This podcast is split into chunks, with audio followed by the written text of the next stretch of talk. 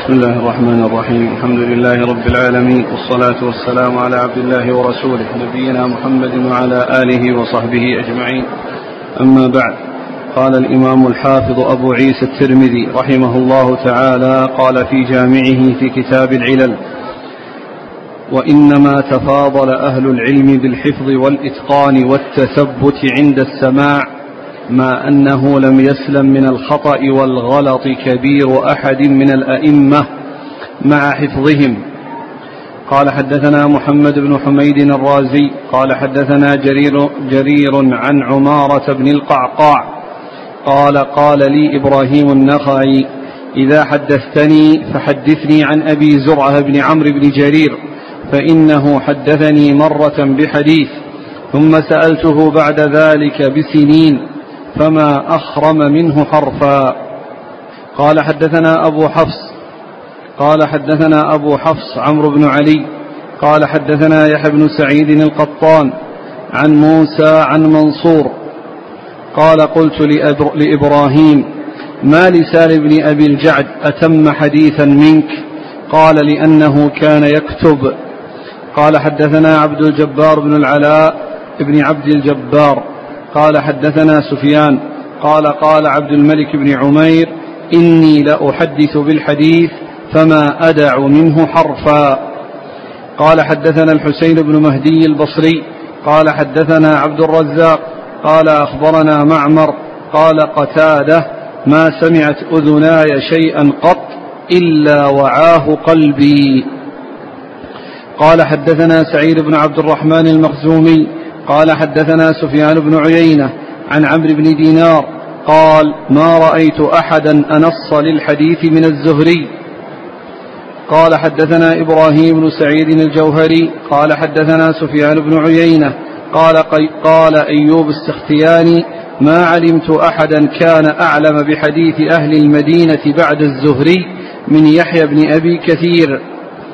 قال حدثنا محمد بن إسماعيل قال حدثنا سليمان بن حرب قال حدثنا حماد بن زيد قال كان ابن عون يحدث فإذا حدثته عن أيوب بخلافه تركه فأقول قد سمعته قد سمعته فيقول إن أيوب أعلمنا إن أيوب أعلمنا بحديث محمد بن سيرين.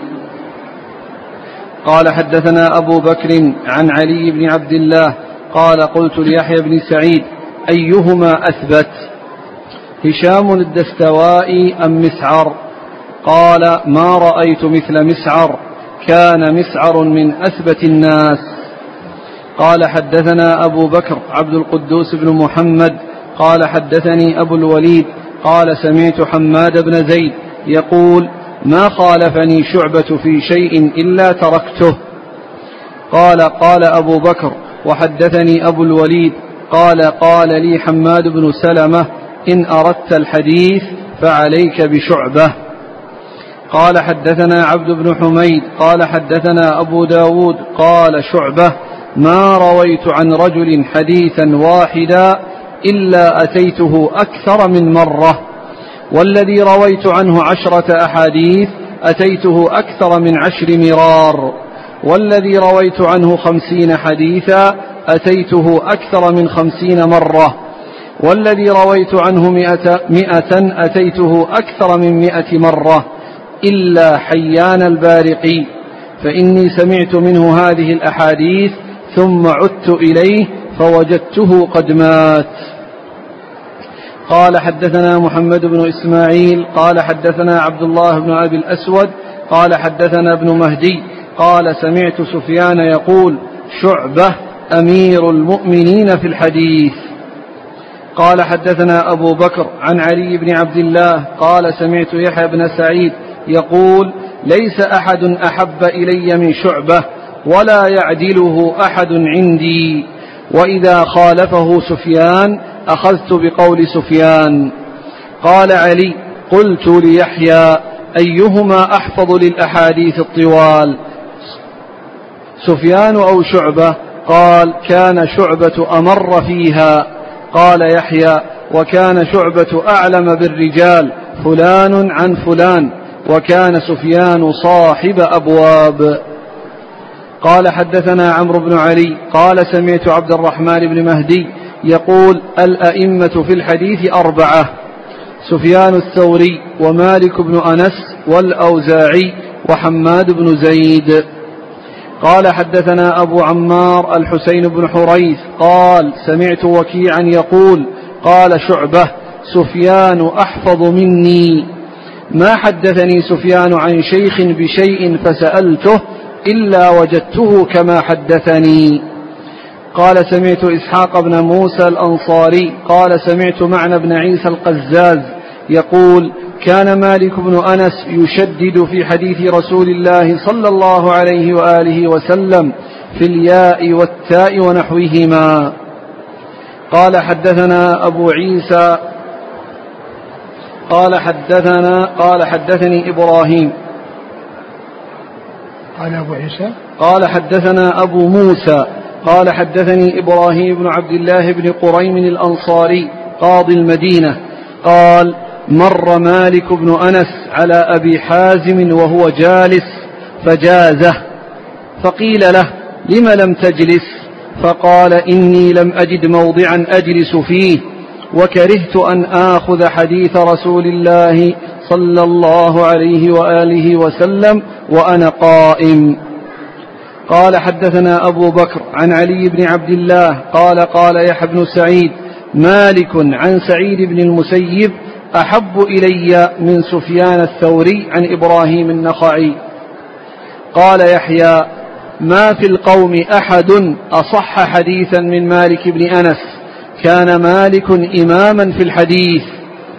سمعت أحمد بن الحسن يقول سمعت أحمد بن حنبل يقول ما رأيت بعيني مثل ما رأيت بعيني مثل يحيى بن سعيد القطان. قال أحمد وسئل أحمد بن حنبل عن وكيع وعبد الرحمن بن مهدي فقال أحمد وكيع أكبر في القلب وعبد الرحمن إمام. قال سمعت محمد بن عمرو بن نبهان بن صفوان الثقفي البصري يقول سمعت علي بن المديني يقول لو حلفت بين الركن والمقام لحلفت أني لم حلفت. ها؟ لو حلفت. لو حلفت بين الركن والمقام لحلفت أني لم أر أحدا أعلم من عبد الرحمن بن مهدي.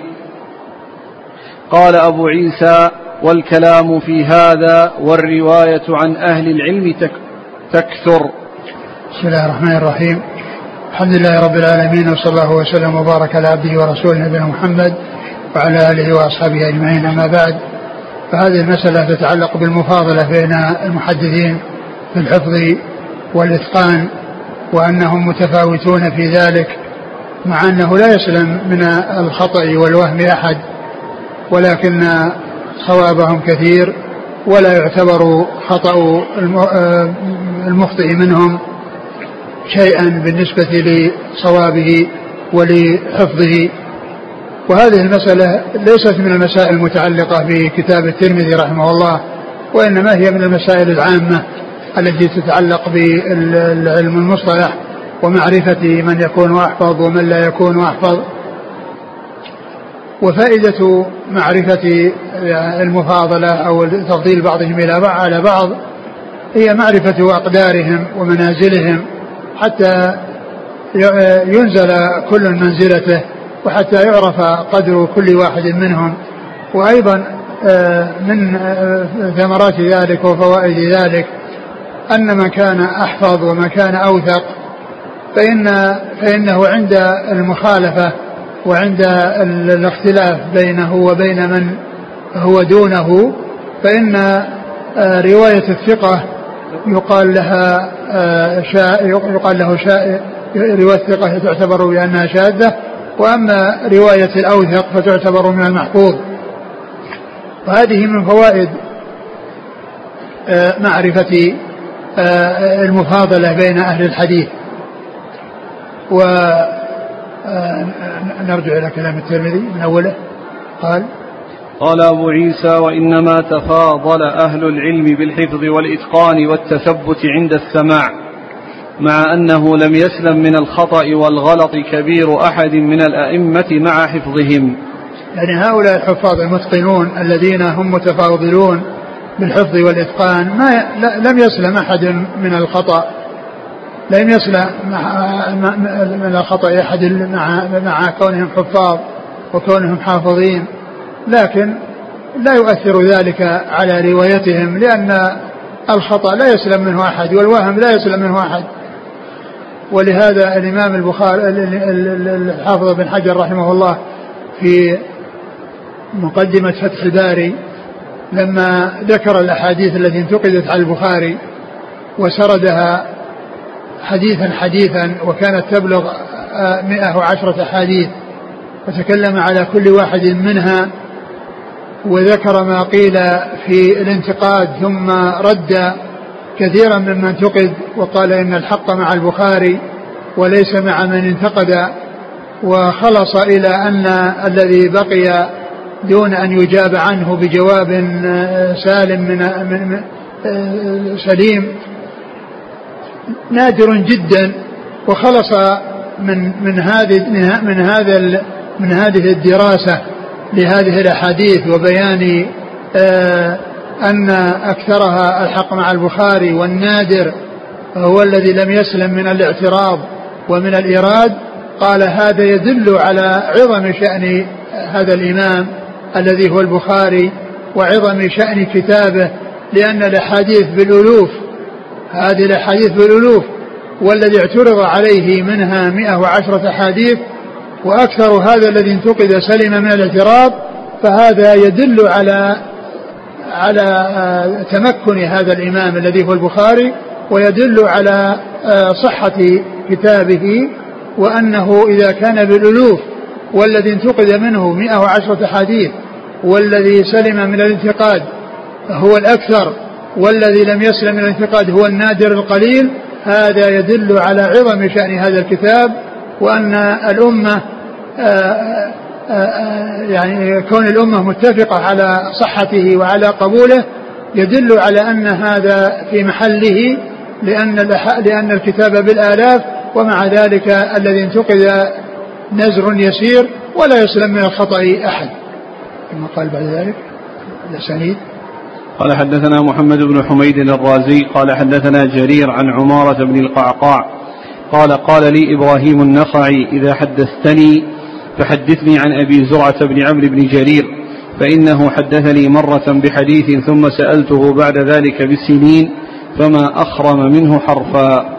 وهذا يدل على حفظ وإتقان أبي زرعة بن عمرو بن جرير الذي يروي عن جده جرير بن جرير البجلي رضي الله تعالى عنه جرير بن عبد الله البجلي رضي الله عنه يقول إبراهيم النخعي لعمارة في القعقاع وهو يروي عن أبي زرعة وقد روى عنه آخر حديث في صحيح البخاري عن أبي هريرة كلمتان حبيبتان للرحمن خفيفتان على اللسان ثقيلتان في الميزان فإنه من رواية أبي من رواية أبي زرعة عن أبي هريرة. من رواية أبي زرعة عن أبي هريرة. وقال إبراهيم النخعي لعمارة بن القعقاع إذا عمارة بن القعقاع. نعم. إذا حدثتني عن أبي إذا حدثتني فحدثني, فحدثني عن أبي زرعة. إذا حدثني عن أحد فليكن حديثك لي عن أبي زرعة. ثم ذكر السبب. قال لأنني سمعت منه حديثا ثم سألته عنه بعد مدة فأتى به كما قاله أول مرة لم يخرم حرفا. يعني وهذا يدل على ضبطه وإتقانه لأنه حدث بالحديث.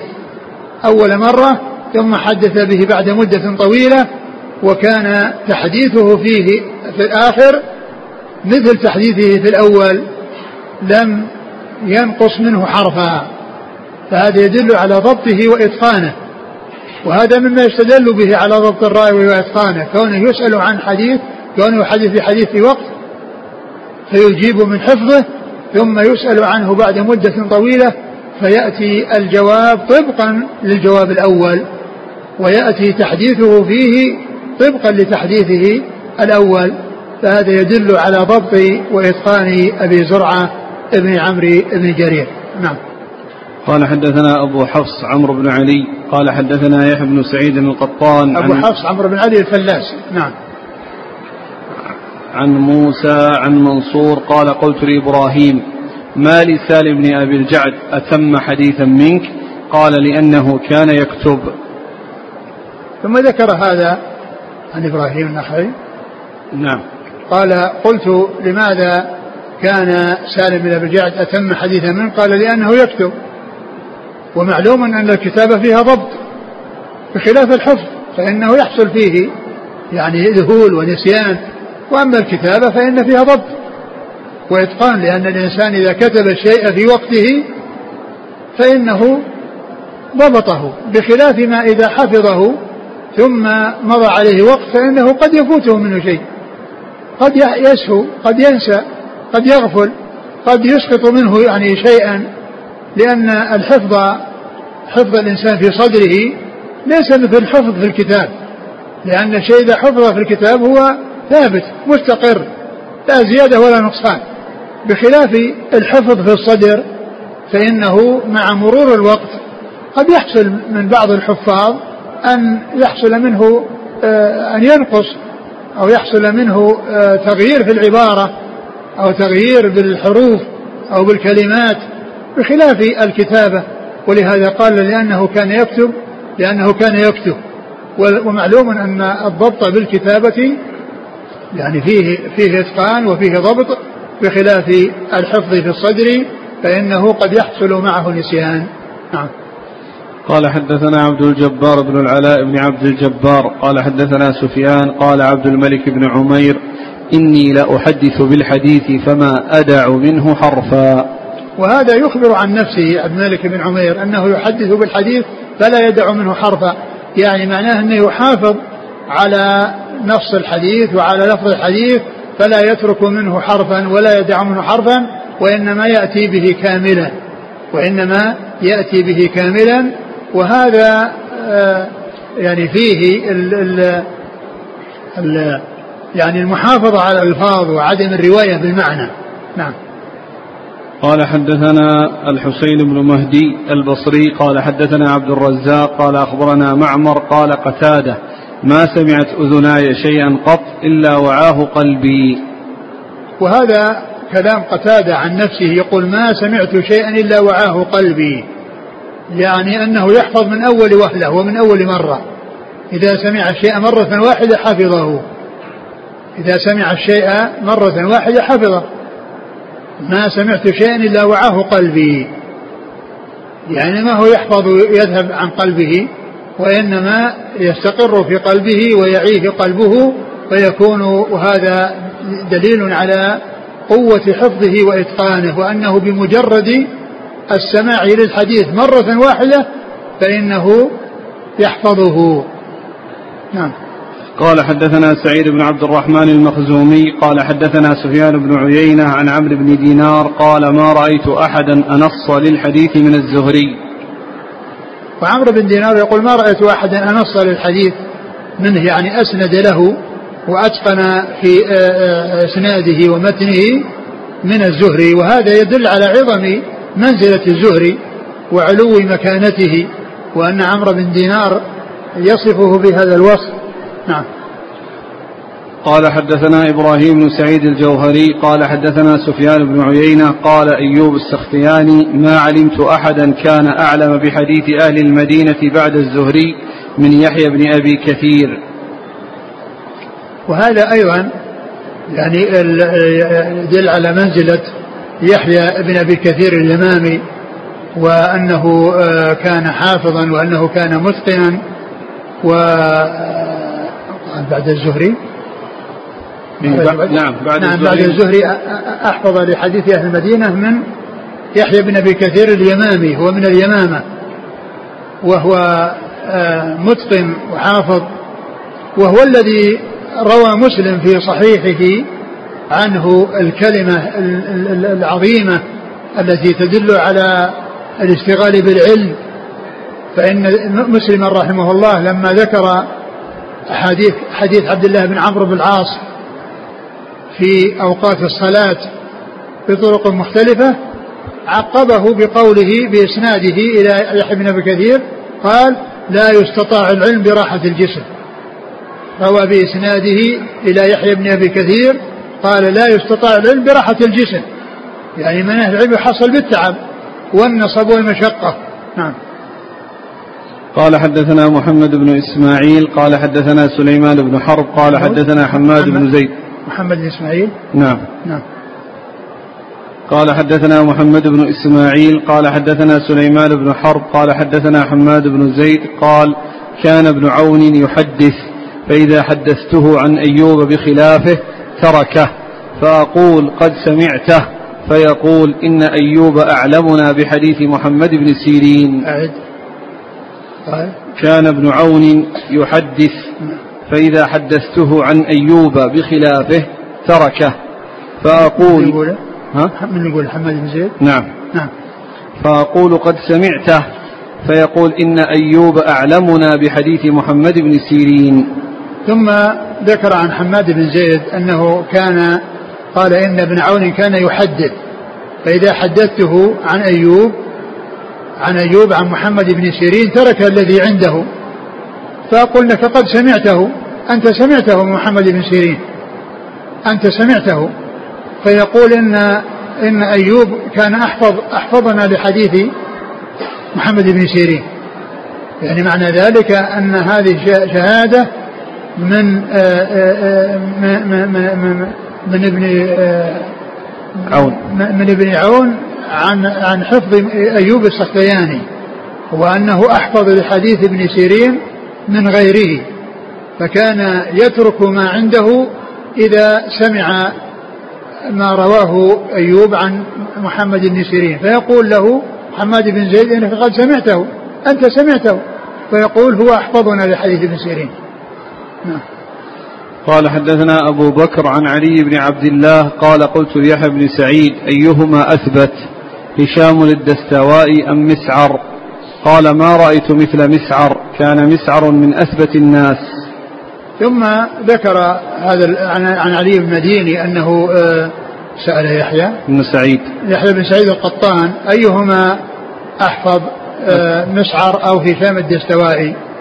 فقال ما ما رأيته مثل مسعر. ما رأيت مسعر كان من أثبت الناس.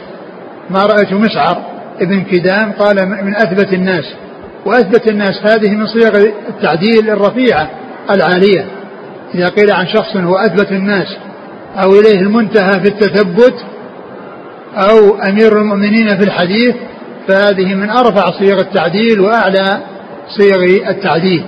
فهذا فيه بيان عظم منزلة مسعر بن كدام وأنه من أثبت الناس وأنه آه، يقدمه على هشام الدستوائي نعم.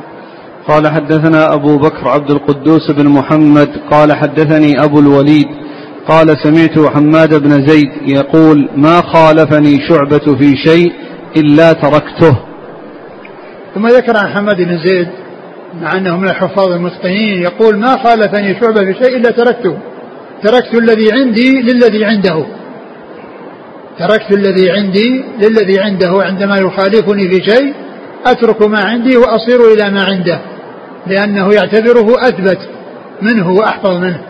وهذا يدل على على يعني آآ آآ تواضع المحدثين ومعرفتهم أقدار غيرهم وأنهم يعترفون بمن يكون أفضل منهم ومن يكون أحفظ منهم. فهذه العبارات وهذه الجمل التي سمعناها ومنها هذه الجملة تدل على أن المحدث آه، يعرف قدره بالنسبة لغيره ويذكر أن من الحفاظ من هو أحفظ منه وهذا كله من آه، من تواضعهم ومعرفة آه، وعدم ترفعهم وبعدهم عن الاغترار يعني بما عندهم بل يعرفون القدر لأهله ويذكر الواحد منهم أن فلانا أحفظ منه. يعني يعني بذلك أنه يصار إلى هذا الأحفظ وأنه عندما يحصل اختلاف بينه وبين من هو أحفظ منه فإنه يصار إلى قول من كان أحفظ. نعم. قال أبو بكر وحدثني أبو الوليد قال قال لي حماد بن سلمة إن أردت الحديث فعليك بشعبة. وهذا أيضا من حماد بن سلمة يعني في بيان منزلة شعبة بالحجاج وعلو منزلته إن أردت الحديث فعليك بشعبة. إن أردت الحديث أي أردت أخذ الحديث وسماع الحديث وأخذ الحديث فعليك بشعبة. نعم. قال حدثنا عبد بن حميد قال حدثنا أبو داود قال شعبة. ما رأيت عن رجل حديثا واحدا إلا أتيته أكثر من مرة. والذي رويت عنه عشرة أحاديث أتيته أكثر من عشر مرار. والذي رويت عنه خمسين حديثا أتيته أكثر من خمسين مرة. والذي رويت عنه مئة, مئة أتيته أكثر من مئة مرة. إلا حيان البارقي فإني سمعت منه هذه الأحاديث ثم عدت إليه فوجدته قد مات. وهذا من شعبة رحمة الله عليه فإنه يعني يستعيد الحديث. وإذا أخذ الحديث عن شخص ما ينتهي وإنما يرجع إليه ويأخذه عن مرة ثانية. يعني وذلك للتثبت والتوثق. كما مر في في قصة إبراهيم النخعي مع أبي زرعة. يقول حدثني حدثني أبي زرعة حدثني أبي زرعة لأني حدثني بحديث ثم سألته بعد مدة فأتاني به كما أتى به في الأول لم يخرج منه شيئا. فاستعادة الحديث وكون التلميذ يرجع إلى الشيخ ويطلب منه يحدثه مرة ثانية بعد مدة هذا للتثبت. وأن أنه إذا حدث به بعد مدة مطابقا لما كان أولا يدل على تثبته. وشعبة رحمه الله يقول إنه إذا سمع الحديث فإنه يستعيده أكثر من مرة. فإذا يعني سمع من شخص حديثا أتاه مرتين أو أكثر. وإذا سمع من عشرة أتى يعني أكثر من عشر مرات. يعني من كل حديث يعني يأتي من أجله مرتين. يأتي من أجله مرتين. وإذا كان مئة فإنه يأتي أكثر من مئة. إلا حيان البارقي فإنه سمع منه ثم رجع إليه ليستعيد ووجده قد مات. ليستعيد منه ما حدثه به فوجده قد مات. نعم. قال حدثنا محمد بن إسماعيل قال حدثنا عبد الله بن أبي الأسود قال حدثنا ابن مهدي قال سمعت سفيان يقول شعبة أمير المؤمنين في الحديث. وهذا من سفيان الثوري يقول عن شعبة إنه أمير المؤمنين في الحديث. وهذه من أرفع صيغ التعديل وأعلى صيغ التعديل أمير المؤمنين في الحديث. وسفيان نفسه قال جماعة من المحدثين عنه إنه أمير أمير المؤمنين في الحديث. أمير المؤمنين في الحديث. سفيان الثوري قال عنه جماعة من المحدثين أمير المؤمنين في الحديث. وهو يقول عن شعبة إنه أمير المؤمنين في الحديث. فهذه صيغة من أرفع صيغ التعديل. نعم. قال حدثنا أبو بكر عن علي بن عبد الله قال سمعت يحيى بن سعيد يقول ليس أحد أحب إلي من شعبة ولا يعدله أحد عندي وإذا خالفه سفيان أخذت بقول سفيان. ثم ذكر كلام علي المديني أنه قال ليس أحد علي المديني نعم. نعم. أو يحيى بن سعيد. يحيى بن سعيد القطان. ليس أحد أحب إلي من من من, من شعبة ولا يعدله عندي أحد وإذا خالفه سفيان أخذت بقول سفيان لأنه أحفظ منه. يعني هذا حافظ وإمام وذاك أحفظ منه وأرفع منه قدرا. نعم. قال علي قلت ليحيى أيهما أحفظ للأحاديث الطوال سفيان أو شعبة؟ قال كان شعبة أمر فيها. قال يحيى وكان شعبة أعلم بالرجال فلان عن فلان. وكان سفيان صاحب أبواب.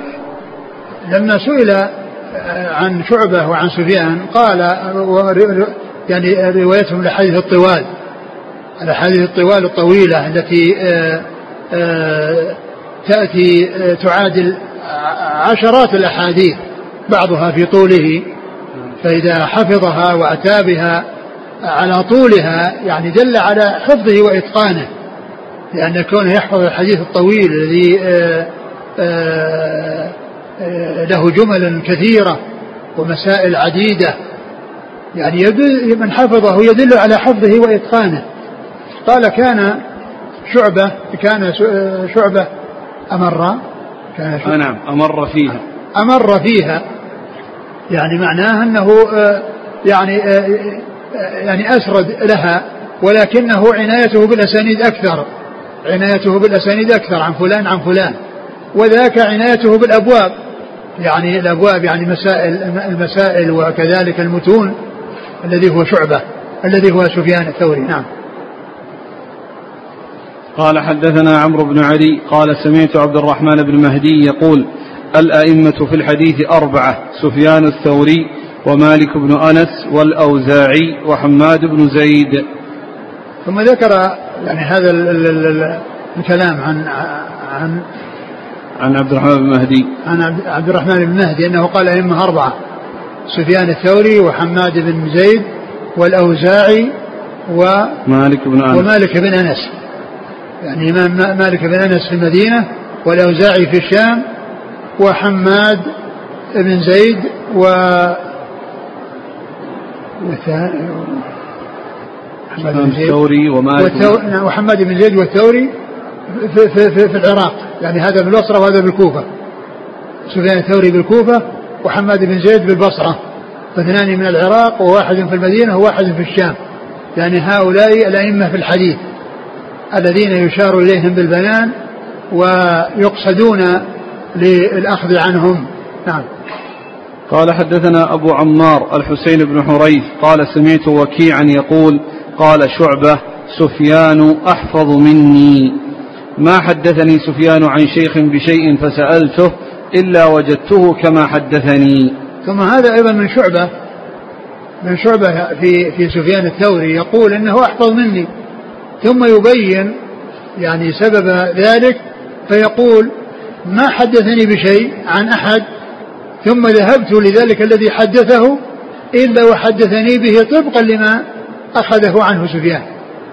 يعني معناه أن سفيان إذا حدث شعبة عن شيخ ثم ذهب شعبة إلى ذلك الشيخ وحدثه بذلك الحديث الذي حدثه به سفيان وجده مطابقا له وجده مطابقا له. فهذا يعني فهذا يعني بيان وجه يعني الشهادة له بكونه حافظا وأنه أحفظ منه. يقول إنه ما حدثني عن شيخ بشيء ثم ذهبت إلى ذلك الشيخ فحدثني به إلا وجدته طبقا لما أخذه عنه سفيان. نعم. قال سمعت إسحاق بن موسى الأنصاري قال سمعت معنى بن عيسى القزاز يقول كان مالك بن أنس يشدد في حديث رسول الله صلى الله عليه وسلم في الياء والتاء ونحوهما. ثم ذكر هذا ذكر هذا الأثر عن مالك أنه كان يشدد في الحديث. يعني معناه المحافظة على ألفاظ الحديث وعدم التغيير والتبديل فيها. يعني حتى الحرف الواحد يأتي به بالتاء والياء. التاء والياء يعني لا تبدل التاء بالياء أو الياء بالتاء وإنما يؤتى. إذا كان الحديث فيه تاء جاء تاء. وإذا كان فيه ياء جاءت ياء. ما ياتي مكانها تاء. يعني هذا يعني يدل على على حفظه وعلى محافظته على الألفاظ وعدم الرواية بالمعنى. نعم. قال حدثنا أبو موسى قال حدثني إبراهيم بن عبد الله بن قريم الأنصاري قاضي المدينة. قال مر مالك بن أنس على أبي حازم وهو جالس فجازه فقيل له لم لم تجلس؟ فقال إني لم أجد موضعا أجلس فيه. وكرهت أن آخذ حديث رسول الله صلى الله عليه وسلم وأنا قائم. وهذا من آداب الإمام مالك رحمة الله عليه في سماع الحديث وأخذ الحديث فإنه مر على مجلس أبي حازم فجاوزه ولم يجلس جازه تعداه ولم يجلس فقيل له لماذا؟ قال لأنه, لأنه ما وجد مكان يجلس فيه وكره أن يأخذ حديث رسول الله عليه الصلاة والسلام وهو قائم مع أن ذلك جائز والدليل على جوازه الحديث الذي فيه أن النبي صلى الله عليه وسلم كان جالسا يحدث أصحابه بحديث فجاء رجل وقف وقال يا رسول الله متى الساعة؟ قال قال فأعرض عنه واشتغل بالحديث واشتغل بالحديث مع أصحابه ثم لما فرق السائل عن الساعة قال أنا قال إذا ضيعت الأمانة فانتظر الساعة. قال وما إضاعتها يا رسول الله؟ قال إذا وسد الأمر إلى غيرها فانتظر الساعة.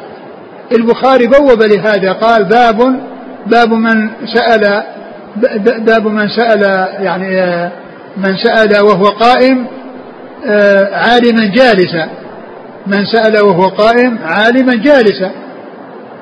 فإنه يعني حدثه وهو قائم وأخذ الحديث عنه وهو قائم. جائز لا بأس بذلك. ولكن مالك رحمة الله عليه يعني يرى أن هذا من الأدب وأن أنه لا يأخذ الحديث إلا وهو جالس مع أن الأخذ في حال القيام جائز. عندما يكثر الزحام وعندما يكون بعيدا ويقف حتى يسمع وحتى يرى لا بأس بذلك. نعم. قال حدثنا أبو بكر عن علي بن عبد الله قال يحيى بن سعيد مالك عن سعيد بن المسيب أحب إلي من سفيان الثوري عن إبراهيم النخعي. وهذه مفاضلة بين الأسانيد لأن آه، أصح الأسانيد عند بعض العلماء تختلف. هذا يقول صح السند كذا وهذا يقول صح السند كذا وكلها من وكلها روايات حفاظ متقنون وإنما الفرق في في تفضيل بعضهم على بعض. وأصح الأسانيد عند البخاري مالك عن نافع عن, عن, عن ابن عمر. أصح الأسانيد عن مالك عند عند البخاري مالك عن نافع عن ابن عمر. فهذا الذي ذكره هنا هو من قبيل المفاضلة بين أصح الأسانيد نعم. قال يحيى ما في القوم أحد أصح حديثا من مالك بن أنس. كان مالك إماما في الحديث. نعم وهذا يبين يعني منزلة مالك وصحة حديثه. وأن حديثه من أصح الأسانيد وإسناده إذا كان عن بعض شيوخه الذين هم في الدرجة العالية يعتبر من أصح الأسانيد. مثل ما قال البخاري أصح الأسانيد مالك عن نافع عن ابن عمر. نعم. قال سمعت أحمد بن الحسن يقول سمعت أحمد بن حنبل يقول ما رأيت بعيني مثل يحيى بن سعيد القطان. وهذا أيضا يبين عظيم منزلة يحيى بن سعيد القطان يقول الإمام أحمد عنه ما رأت عيني مثله. ما رأت عيني مثله يعني بالحفظ والإتقان. قال أحمد وسئل أحمد بن حنبل عن وكيع وعبد الرحمن بن مهدي فقال أحمد وكيع أكبر في القلب وعبد الرحمن إمام. يعني ذكر منزلة كل واحد منهم قال هذا أكبر في القلب يعني أعظم منزلة في القلب هو وكيع وهذا إمام الذي هو حماد. بن زيد. نعم. قال سمعت محمد بن عمرو بن نبهان بن صفوان الثقفي البصري يقول سمعت علي بن المديني يقول لو حلفت بين الركن والمقام لحلفت أني لم أرى أحدا أعلم من عبد الرحمن بن مهدي. وهذا أيضا يعني في بيان منزلة عبد الرحمن بن مهدي وأنه لو حلف بين الركن والمقام يعني الركن اللي هو الحجر الأسود والمقام الذي هو مقام إبراهيم لحلفت بأني, بأني ما رأيت مثل عبد الرحمن المهدي يعني في الحفظ والإتقان. قال أبو عيسى والكلام في هذا والرواية عن أهل العلم تكثر وإنما بينا شيئا منه على الاختصار ليستدل به على منازل أهل العلم وتفاضل بعضهم على بعض في الحفظ والإتقان. ومن تكلم فيه من أهل العلم لأي شيء تكلم فيه. نعم وهذا كلام الترمذي رحمه الله بعد ما ذكر هذه ال هذه المسا هذه يعني هذه الأسانيد يعني التي ساقها للكلام كلام العلماء في بعضهم وبيان إتقان بعض بيان إتقانهم وضبطهم. قال والكلام يكثر وإنما ذكرنا يعني بعض المسائل يستدل بها. على منازل العلماء وتفاوتهم في الضبط والإتقان ومن تكلم فيهم لأي شيء تكلم فيه السبب من تكلم فيه هناك سبب للكلام فيه. ومن الذين آه، آه، يأتي ذكرهم في الحفظ والإتقان آه، يحيى بن سعيد القطان وعبد الرحمن المهدي إذا اجتمع إذا اجتمع على توثيق شخص يقول الذهبي في كتابه من يعتمد قوله في الجرح والتعديل إذا اجتمع يحيى بن سعيد القطان وعبد الرحمن المهدي على توثيق يعني تمسك به. وإذا اتفق على جرح شخص فلا يكاد والله يندمل جرحه. يعني معناه أنهما يصيبان وأن يعني وأنهما قد أصابه. إذا اتفق على جرح شخص لا يكاد يندمل جرحه. يعني معناه أنهما أصاب الهدف. ثم إن من الأشياء التي آآ آآ تسلك لمعرفة من هو الأحفظ من غيره هو عدد الأوهام عد الأوهام والأخطاء. الأخطاء قليلة ولكن إذا جمعوا بينها وهذا أخطاء عنده خطأين وهذا عنده ثلاثة وهذا عنده أربعة وهذا عنده عشرة من كان أخطأ خطأين مقدم على من أخطأ عشرة أخطاء في الحفظ والإتقان. فهذه طريقة يعني يسلكونها في التمييز عندما يريدون أن يقارنوا بين الشخصين في الحفظ يعدون أخطاء هذا وأخطاء هذا. فما كان أقل خطأ صار أحفظ وأتقن من الآخر مع أنهم كلهم حفاظ. من كان عنده الخطأ خطأ في حديثين يعتبر أرجح ممن أخطأ في خمسة حديث وأحفظ ممن أخطأ في خمسة حديث مع أنهم كلهم حفاظ. لكن هذا يقدم على هذا بسبب ذلك. وقد ذكر آه، أبو بكر الحازمي في كتاب شروط الأئمة الخمسة يعني آه، قصة فيها المفاضلة والوصول إلى التفضيل بعد الأخطاء.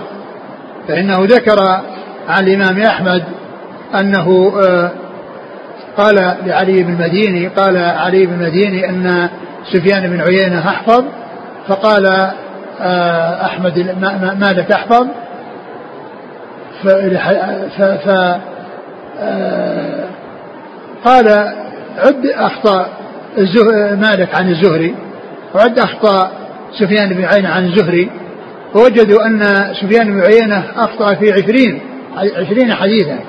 وأما مالك أخطأ في حديثين أو ثلاثة. أخطأ في حديثين أو ثلاثة من حديث الزهري. فإذا قدم أو النتيجة أنه قدم مالك على على سفيان بن عيينة. وذلك لأن خطأ هذا بالنسبة لخطأ هذا أقل. ما أخطأ فيه هذا قليل بالنسبة لما أخطأ فيه. وهذا هو المقياس الذي آه، آه، يصيرون إليه.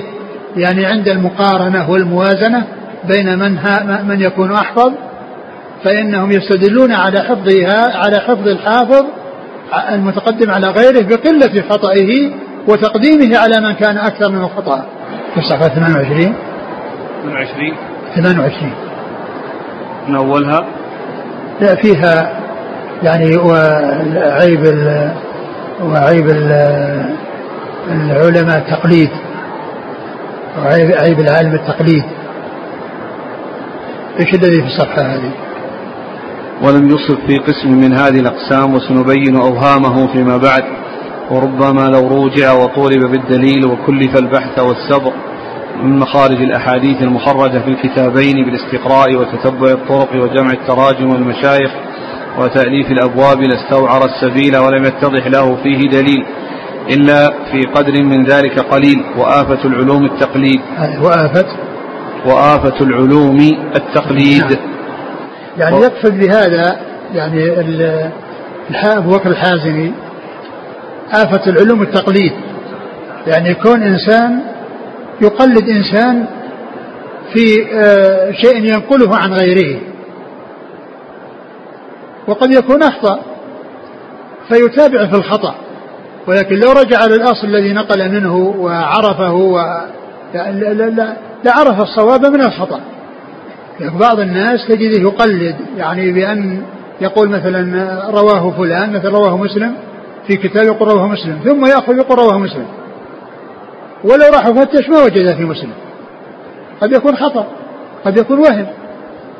فإذا يقول آفة العلوم التقليد يعني يكون إنسان يأخذ كلام غيره دون أن يرجع للأصل الذي أحال عليه فإنه يتابعه في الخطأ إذا كان مخطئا. وإذا رجع عرف أنه مصيب أو مخطئ.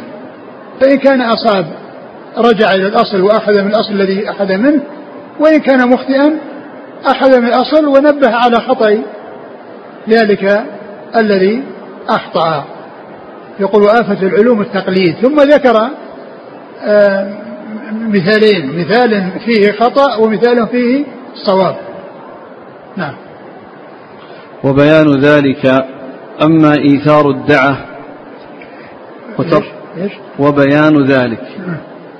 إما إيثار الدعة وترك الدأب وإما حسن الظن بالمتقدم. يعني أن التقليد يعني آه، آه، يكون بشيء بسببين.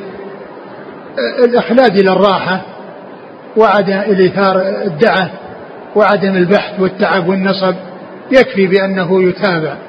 أو إحسان الظن بالمتقدم. إحسان الظن بالمتقدم. يعني إما وكل منهما يحصل. يعني هذا وهذا مو معنى إما هذه وإما هذه. يعني يحصل الإخلاد ويحسن الظن. يحصل منه الإخلاد إلى الراحة وعدم البحث والوصول إلى الحقيقة بالرجوع إلى الأصل أو إحسان الظن بالمتقدم الذي قلده. وقال إنه ما قال كذا إلا لأنه هو متقن فإذا كلامه يكون صحيحا مع أنه قد يهم وقد يخطئ. نعم. يقول ولعمري إن هذا القسم الثاني لحسن غير أن الاسترواح إلى هذا غير ممكن لأنه يفضي إلى سد باب الاجتهاد والبحث عن مخارج الحديث وأحوال الرجال. نعم. وهذا الحاكم أبو أحمد الحافظ. هذا مثال هذا مثال للخطأ والمتابعة في الخطأ. نعم. وهذا الحاكم أبو أحمد الحافظ النيسابوري وهو أحد أركان الحديث وممن أخرج التخاريج الكثيرة وكتابه المؤلف في الأسماء والكنى يشهد له بتبحره في علم الصنعة وقد ذكر في بعض تراجمه حارثة بن مالك الأنصاري في الصحابة مقلدا لآخر تقدمه. ثم جاء بعده جماعة من المؤلفين في الحديث والتواريخ والمعارف ممن كان ينسب إلى التحقيق والتدقيق نحو أبي عمر بن عبد البر القرطبي والأمير أبي نصر بن ماكولا في كتابه الإكمال وغيرهما قلدوا المتقدم وركبوا في ذلك المجرة وأثبتوه في كتبهم على ما رسمه المتقدم ولو عدل واحد من هؤلاء الأستاذين إلى كتب السير وتواريخ المحدثين لبرح الخفاء وانكشف الغطاء وبان أن حارثة بن مالك الأنصاري لم يكن من الصحابة ولا من أنصار رسول الله صلى الله عليه وسلم ولا من الموجودين في زمنه أو بعده وإنما هو في نسب الأنصار وهو عبد حارثة ابن مالك بن عضب ابن جشم جاهلي قديم من ولده بنو زريق ابن عامر بن زريق بن عبد حارثة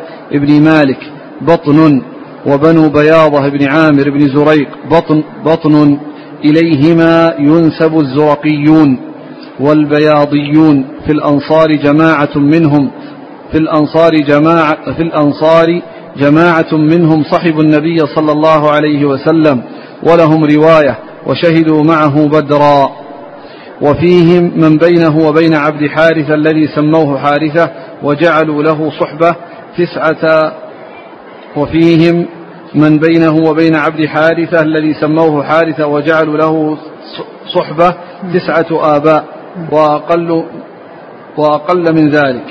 والعجب من الحاكم ومن أبي عمر أنهما أحالا بذلك على الواقدي وإنما قال الواقدي في تسمية البدريين ومن بني زريق بن عامر بن عبد حارثة وغيره يقول زريق بن عامر بن زريق بن عبد حارثة بن مالك بن عضب بن جشم ثم من بني مخلد بن عامر قيس بن محصن وسمى جماعة. فلعل الحاكم ظن أن الواقدي انتهى بنسبه لزريق بنسبه لزريق إلى عبد ثم ابتدأ قال حارثة مرفوعا وأن حارثة هو المراد بالصحبة وإنما هو عبد حارثة مضافا وهو اسم لشخص واحد كما بيناه وأن أبا عمر بن عبد البر والأمير قلدا أبا أحمد. وقد أشبعت الكلام في هذا الاسم في تهذيب الإكمال وأوهام الأمير. إكمال لابن ماكولة وأوهام الأمير يعني وأن هذا من أوهامه. يعني هذا يعني في بيان الخطأ وأن الحاكم أبو أحمد اللي هو غير غير الحاكم أبو عبد الله صاحب المستدرك وإنما هو صاحب الأسماء والكنى. هو قلد يعني غيره ثم قلد ابن عبد البر وابن ماكولة الحاكم حيث عدوا حارثة بن مالك صحابي وهو ليس بصحابي وإنما هو يعني متقدم يعني في الجاهلية. ولكنه يعني الكلام الذي سيق كأنه قطع وظن أن يعني مال حارثة بن مالك أنه صحابي وإنما هو جاء في نسب يعني في نسب الأنصار وهو عبد حارثة في, النسب فقال إنها انتهى إلى عبد ثم أتى بحارثة على أنه مبتدأ وأنه صحابي. نعم. وقد أحسن أحمد بن حنبل رحمه الله. يعني هذا هذا ثناء على الإمام أحمد في كونه ما قلد غيره. لأن هؤلاء قلدوا فأخطأوا وأما الإمام أحمد فإنه لما نظر علي بن المديني في سفيان والثوري وسفيان ومالك ما سلم أحمد لعلي المديني. وإنما راح يفتش عن عدد الأحاديث. التي أخطأ فيها هذا والتي أخطأ فيها هذا؟ قال وقد أحسن أحمد في أحمد بن حنبل رحمه الله في ترك التقليد. في ترك التقليد يعني ما قلد يحيى علي ما قلد علي المديني. لما قال إن سفيان بن عيينة أحفظ من مالك ما سلم له قال خلاص كلام صحيح. وإنما قال كم الأخ... كم الأحاديث اللي أخطأ فيها سفيان؟ وكم الأحاديث اللي أخطأ فيها مالك؟ فلما حصرت وإذا الذي أخطأ فيه مالك من حديث الزهري حديثين وهذا أخطأ بعشرين حديثا نعم. وقد أحسن. أحمد بن حنبل رحمه الله في ترك التقليد والحث على البحث حيث ذاكر علي بن المديني في أصحاب الزهري وكان أحمد يقدم مالكا وابن المديني يقدم سفيان. قال أخبرنا أبو منصور محمد بن أحمد بن الفرج الوكيل قال أنبأنا عبد القادر بن محمد قال أنبأنا عمر بن أحمد بن إبراهيم قال أنبأنا عبد العزيز بن جعفر قال أنبأنا أحمد بن محمد بن هارون قال أنبأنا عبد الله بن أحمد بن محمد قال سمعت أبي يقول كنت أنا وعلي بن المديني فذكرنا أثبت من روى عن الزهري فقال علي سفيان بن عيينة فقلت أنا مالك بن أنس وابن عيينة يخطئ في نحو عشرين حديثا عن الزهري في حديث كذا وحديث كذا فذكرت منها ثمانية عشر حديثا وقلت هات ما أخطأ فيه مالك فجاء بحديثين أو ثلاثة. قال فنظرت فيما أخطأ فيه سفيان بن عيينة فإذا هي أكثر من عشرين حديثا. ألا ترى أن ابن المديني ومحله من هذا الشأن ما قد ما قد عرف لما لم يمعن النظر في البحث عن حديث إمام دار الهجرة حكم بغير ما تقتضيه النصفة حتى ذكره حتى ذكره أحمد. وكان السبب فيه أن ابن المديني فاته مالك ومتع بسفيان. وكان ربما يعتقد في حديث مالك عن عن الزهري أنه عرض. وحديث سفيان تحديث حدثه به الزهري. وإن كان الأمر على خلاف ذلك وأحمد لم يكتف بذلك حتى سبر حديثهما ثم حكم لأحدهما على الآخر. يعني هذه الطريقة الصحيحة لمعرفة من يكون أحفظ ومن يكون أثبت هي عد الأخطاء. عد الأخطاء فمن كان أقل خطأ كان أثبت من من كان أكثر أكثر منه خطأ. وأبو بكر الحازمي هذا ذكره يعني الذهبي في كتابه من يعتمد قوله في الجرح والتعديل. وقال مات شابا طريا عمره خمس وثلاثون سنة. أبو بكر الحازمي رحمه الله توفي وعمره خمس وثلاثون سنة. وقد ذكره الذهبي في كتابه من يعتمد قوله في الجرح والتعديل. وقال مات شابا طريا عمره خمس وثلاثون سنة. ومثله في هذا الزمان الشيخ حافظ الحكمي رحمه الله فإنه توفي وعمره خمس وثلاثون سنة وله المؤلفات الكثيرة نظما ونثرا في العقيدة والمصطلح وغير ذلك وعمره خمس وثلاثون سنة. وهذا إنما يكون على بسبب الجد والاجتهاد والصدق والإخلاص وحفظ الوقت وشغله فيما يعود عليه بالخير يعود عليه وعلى غيره بالخير. فمن العلماء من يكون عمره قصيرا ولكن نفعه عظيم. النووي عمره تسع وأربعون سنة وقد ملأ المكتبات في مؤلفاته الطويلة الواسعة في الحديث وفي الفقه وفي المصطلح وغير ذلك. عمره تسع وأربعون سنة ف يعني بعض العلماء يعني مع قلة قصر عمره يبارك الله عز وجل فيه فيخلف ثروة عظيمة ويخلف علما واسعا يستفيد منه الناس على مختلف العصور والدهور والله تعالى أعلم وصلى الله وسلم وبارك على عبده ورسوله نبينا محمد وعلى آله وأصحابه أجمعين. جزاكم الله خيرا وبارك الله فيكم ألهمكم الله الصواب ووفقكم للحق. نفعنا الله ما سمعنا وغفر الله لنا ولكم وللمسلمين أجمعين. آمين. يقول آه، ما هو السبب في كون الحفظ في زماننا أقل بكثير من الحفظ في زمان السلف؟ ما هو السبيل إلى أن يصير الطالب قوي الحفظ؟ الأسباب واضحة جلية لأن أولئك اشتغلوا بالعلم وأخلصوا فيه وحفظوا أوقاتهم فيه في الاشتغال به مع مع قلة الإمكانيات وعدم توفر الوسائل التي آه، يحصل بها تحصيل العلم مثل ما هو موجود في هذا الزمان. الإضاءة والمطابع والنسخ. والتصوير للكتب في لحظة يعني قبل كانوا فيما مضى الواحد يجلس مدة طويلة يكتب ينقل الكتاب. وإذا فرغ من النقل يقابل حتى يتحقق أن الفرع مطابق للأصل. وفي هذا الزمان انصرف كثير من الناس عن العلم بسبب المشاغل والصوارف التي تصرف الناس. فأولئك الله عز وجل بارك في أعمارهم وبارك في أوقاتهم لأنهم بذلوها في سبيل الله وأعطوا العلم يستحقه من الجد والاجتهاد والصدق والإخلاص فحصل حفظهم وإتقانهم لأن شغلهم الشاغل ليلا ونهارا هو هذا.